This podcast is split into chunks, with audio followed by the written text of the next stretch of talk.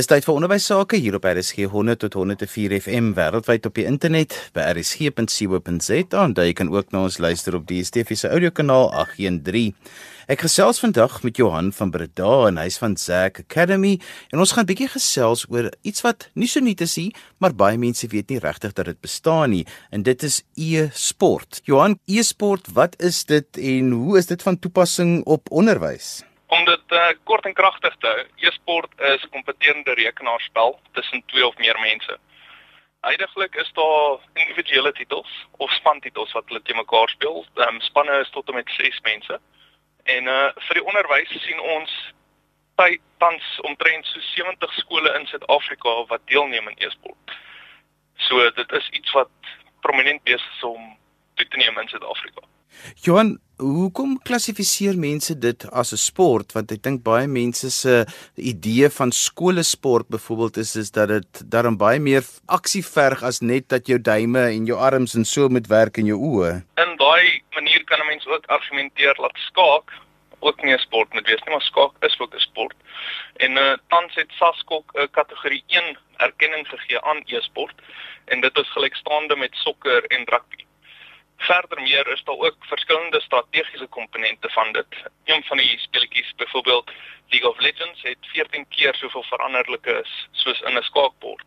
En dit word opverdeel deur 5 mense wat in 'n span teen 'n ander span van 5 mense speel. Wat is die voordele vir kinders om deel te neem aan iets soos e-sport? E-sport het natuurlik al die tradisionele voordele wat enige ander sport byvoorbeeld vir jou aanbied byvoorbeeld ehm um, sosiale vaardighede, dissipline, kollaborasie, besluitneming, maar e-sport het ook vele unieke voordele wat ander sporte nie het nie.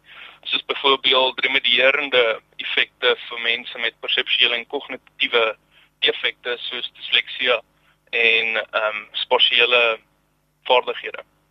Verder kan e-sport ook gebruik word as 'n leervaardigheid vir wiskunde lees en basiese taalvaardigheid. Johannes, uh, luisteraars nou op die internet intik e-sports, dan gaan hulle by ongelooflike interessante goed uitkom. Dit is sulke groot stadion amper ehm um, geleenthede wat plaasvind, maar hoe werk dit prakties in 'n skool as 'n mens byvoorbeeld e-sports wil inbring in jou skool in? In Suid-Afrika word e-sport gereguleer deur Mindsport Suid-Afrika. Dit is die nasionale federasie vir e-sport in Suid-Afrika.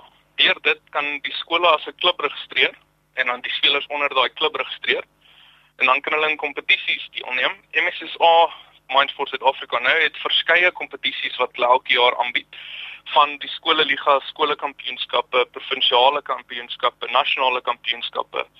Daar is omtrent maak nie saak waar jy is in die land nie, omtrent 6 kompetisies waaraan jy kan deelneem elke liewe jaar. En natuurlik op skoolvlak, die belangrike ding is natuurlik die vooruitsig op universiteitsbeurse wat jy kan kry deur in hierdie kompetisies deel te neem waarin jy kan provinsiale klere of nasionale klere kan verwerf. Johan gebeur dit by skole soos enige ander sport, sit in 'n spesifieke lokaal. Verduidelik nou vir mense wat nou nog vir die eerste keer daarvan hoor, nou presies hoe dit werk. Soos my ma altyd sê, "Toe kom julle nou daaraan?" Daar is verskeie tipe kompetisies. Daar's aanlyn en LAN kompetisies. Die LAN-kompetisies is gewoonlik by 'n lokaal waar waar dit gehou word waar almal met hulle rekenaars of PlayStation of wat ook al sal opdaag en dan sal daar te mekaar speel. Die ander tipe kompetisie is aanlyn kompetisie. Gewoonlik kom hulle bymekaar by die skool in 'n IT-laboratorium of in die saal as die skool basies eie toerusting het om dit te kan hou in die saal en dan sal hulle aanlyn te mekaar speel.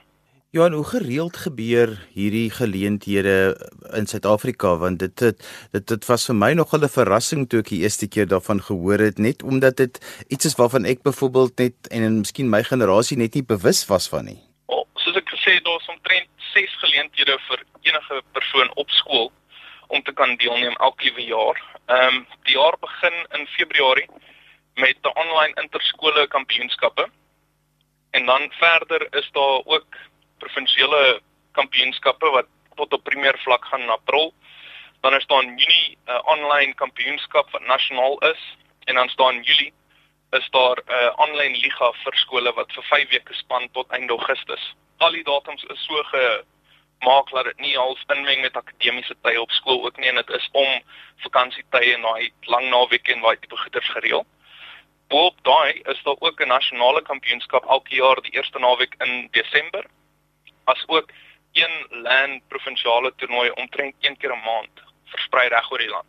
Johan, is dit iets wat jy byvoorbeeld moet deur 'n skool aan 'n klub behoort of is dit iets wat byvoorbeeld uh, hoërskoolleerders of laerskoolleerders individueel self by kan aansluit? Daardie tegniese aspekte, hoe werk dit? Ongelukkig moet jy deel wees van 'n klub om dit te kan doen. As jou skool nie 'n klub is nie, is daar verskeie premier klubs waar jy kan aansluit. Selfs soos wat jy byvoorbeeld met rugby by een of ander rugbyklub sou gaan speel um, in plaas van by 'n skool of enige van daai tipe dinamieke kan jy ook doen in e-sport. So jy kan altyd by 'n premier klub aansluit en daardeur nog steeds in die skoolkompetisies of in die premier kompetisies deelneem. Johan, daar's so baie mense wat deesdae nou praat oor skermtyd met kinders en uh jy weet die kinders kyk te veel of speel te veel hierdie hierdie speletjies. Nou kom julle hier van die ander kant af en julle sê maar daar is baie voordele daaraan verbonde. Um hoe bestuur julle dit um dat 'n mens daarom nou uh, weet 'n lekker balans kry vir 'n mens se kinders met hierdie dinge? Daar is riglyne wat gegee word. Tans sê sportsoekendiges in e-sport dat 'n maksimum van 3 ure per dag is die gerekommendeerde basies riglyn vir mense wat games speel aanlyn. Maar die manier wat ons te doen met ons maatskappy ook is ons reguleer hulle fisiese oefening. Ons struktureer hulle oefening buite hulle oefen sessies wat hulle het met ons en dan boop dit gebruik hulle ook ons kommunikasiekanale om basies te kan reguleer of hulle aanlyn bullying plaasvind en al daai tipe goeders om net soveel as moontlik van die negatiewe aspekte van aanlyn gaming te kan uitfaseer veral vir mense onder 18. Johan het julle baie te doen met negatiewe persepsies rondom e-sports of dat mense net nie regtig verstaan wat dit alles behels nie of dat baie mense ook net dink maar, "Sjoe, hoe kan dit 'n sport wees?" Ek dink nie regtig soveel soos wat daar vroeër jare was nie. Die groot ding is ook dat ons meer en meer die skeiding sien tussen online gaming en e-sport wat totaal as twee verskillende aspekte moet hanteer word. Online gaming is recreational. Dis iets wat iemand doen in sy vrye tyd, jy weet, net om homself te geniet. Vir e-sport is gestruktureer, dis gereguleer en dit word op 'n manier toegepas wat dit jy weet kan help teen die groei. Johan, e-sport moet net so afgerig word seker soos gewone sporte. Wat is die aspekte wat 'n mens in gedagte moet hou? Veral as jy nou 'n onderwysleier is en ek hoor nou van hierdie interessante konsep wat ek dalk by my skool kan doen. Afrigting, al die dinge, wat is die dinge wat 'n mens in gedagte moet hou? Die groot ding is dat jy moet soveel as moontlik die kommunikasie kan beheer. Ehm um, seker maak dat hulle soveel as moontlik in gebeheerde omstandighede, byvoorbeeld um, jou eie servers, jou eie kommunikasiekanale en dan boop dit ook met ons kurrikulum basies vir die coaching is gestruktureer soos enige ander kurrikulum in onderwys gaan dit van 'n punt A tot 'n punt B en daar sekere stappe en aktiwiteite wat jy doen om jouself op te bou stelselmatig tot op 'n punt waar jy basies by die punt B van die kurrikulum wil uitkom. En as jy nou praat van afrigting, wat is die aspekte wat 'n mens in so iets byvoorbeeld in ag sal neem? 'n Afrigting, die manier wat ons dit benader het, is ons het van die topspelers internasionaal en van die afrigters internasionaal gevat en ons hulle gekry om vir ons basies help om gidse op te stel wat ons ook nou gebruik as die kurrikulum. En dan kry ons die top mense op die amateur vlak in Suid-Afrika om daai modules vir hulle aan te bied. Daarna breek ons hulle oefensessie wat hulle kry een keer 'n week of drie maal 'n week of wat ook al hulle kies dan breek ons daai oefensessie op in drie dele. Ons breek dit op in 'n teorie, 'n praktiese vaardigheid en dan 'n analise deel.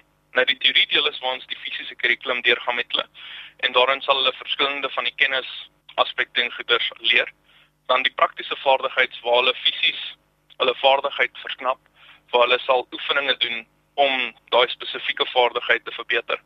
En dan die analise deel sal wees waar hulle 'n wedstryd speel wat gemonitor word en dan sal terugvoering kry daarna en dan van daai hele oefensessie af sal ons basies vir hulle die volgende week se oefening struktureer.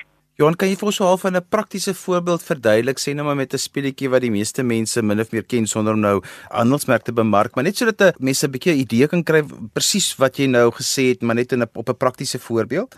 Iets soos League of Legends wat seker een van die bekendstes is.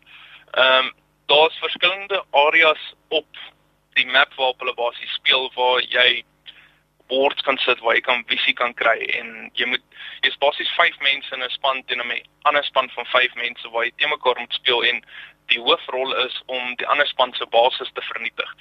Maar dis 'n groot map waar jy moet verskeie areas visie hê om te kan bepaal wanneer die ander span roteer, wanneer jou span roteer. So wat jy sal doen is jy sal oefen om daai kol van visie op 'n spesifieke plek te kry en hoe om rotasie om dit te bepaal ensovoorts. So daardie teoretiese komponent besluit dit byvoorbeeld in om kaarte te kan lees, om posisie te kan bepaal, al daardie tipe dinge. Ja, nie nie al die games werk met kaarte ensovoorts nie. Ehm um, daar is klomp deesdae van die aanlyn goeder wat meer op ekonomiesisteem werk. Ehm um, byvoorbeeld een van die ander games is Counter-Strike is een van die skiet genre games wat ons basies aanbied. Ehm um, dis ook 5 teen 5, maar 'n ander voorbeeld van dit sal wees daar's op enige map 40 plus areas waar jy kan 'n spesifieke broodgranaat basies gooi laat hy kan op 'n area land en laat hy kan daai area uitrook basies sodat jy kan visie afvat van die ander spanne af sodat jy kan verbykom of jy kan hulle keer om te roteer. Nou in daai jury komponent sal ons al 40 van daai geterdeer hardloop en dan in die vaardigheid deel daarvan dan sal ons in oefen om spesifiek elkeen van daai te doen en wanneer om dit te doen. Johan, iets wat my baie opgewonde maak oor e-sports is is juist dat dit baie keer ook kinders is wat nie so sportief is in die sin van fisieke sport nie. Ehm um, kinders wat baie keer nog nooit erkenning gekry het vir 'n vaardigheid wat hulle hier het en hulle is baie keer so ongelooflik goed, maar skielik kan 'n skool ook erkenning gee vir alle kinders, vir al die kinders in die skole wat ons nou maar letterlik 'n Engelse woord vir gebruik vir die gamers en hulle kan vir 'n skool net soveel eer bring soos wat die eerste rugby span of die eerste hokkie of netbalspan kan bring. Ek stem 100% saam, maar dit is nie net daai kinders nie, dit is verseker ook van die rugby, van die tennis, van die hokkie kinders wat ook deelneem in e-sport. Johan, wat vir ook interessant is is die feit dat jy net genoem het dat kinders ook in spanverband moet saamspeel.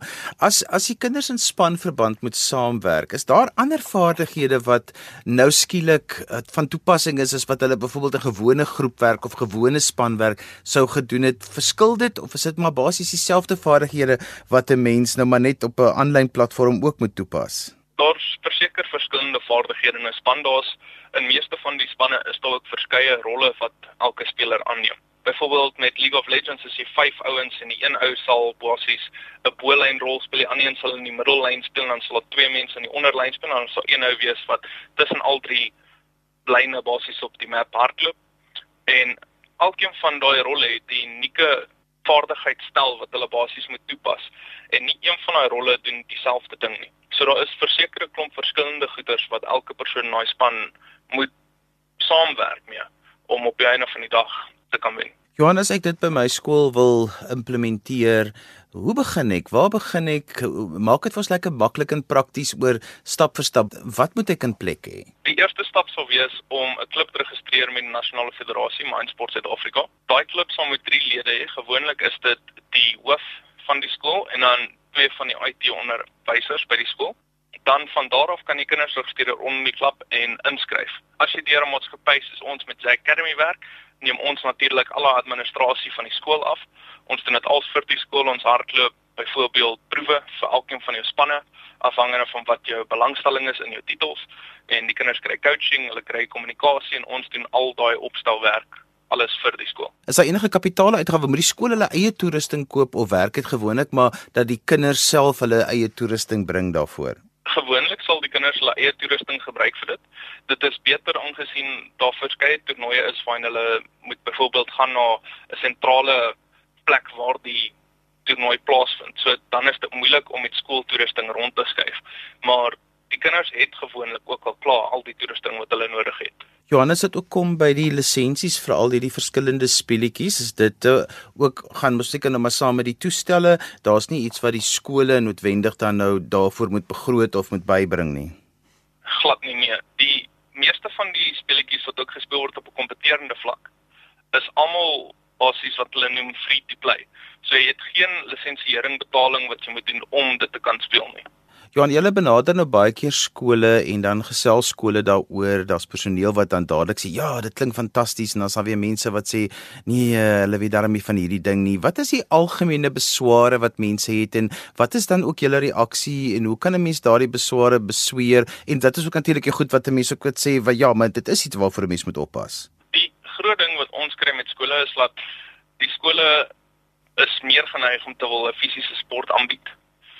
En die manier wat meeste skole hierdie aanspreek is dat hulle sê dat om deel te neem aan 'n sport soos e-sport wat hulle dan lys as 'n sekondêre sport binne in die skool, moet hulle deelneem aan 'n primêre sport wat dan sal insluit natuurlik rugby, netbal, hokkie, tennis, atletiek, enigiets wat jou basies fisies besig hou. En as 'n mens dit uh, nou by 'n skool wil inbring, ehm um, die beheerliggame wat se uh, gesien julle hulle gewoonlik, hoe werk dit? Is daar 'n uh, ehm um, spesifieke ooreenkomste wat in plek moet wees?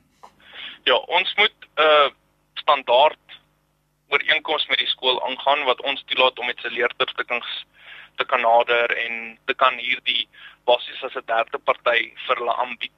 Dit is nodig want vir e-sport moet jy ook voldoen aan byvoorbeeld die Minor Protection of Minors Act en die Film en Publikasiesraad se artikels en daar is verskeie goeders waaraan jy moet wettiglik voldoen aan. So ons maak seker dat ons dit doen in 'n ooreenkoms en vir enige skool of beheerliggaam wat dit wil doen, ons kom uit na die skool toe en ons gee hulle volledige voorlegging ehm um, waar ons ook beskikbaar is om vrae en antwoorde te doen na die tyd met hulle.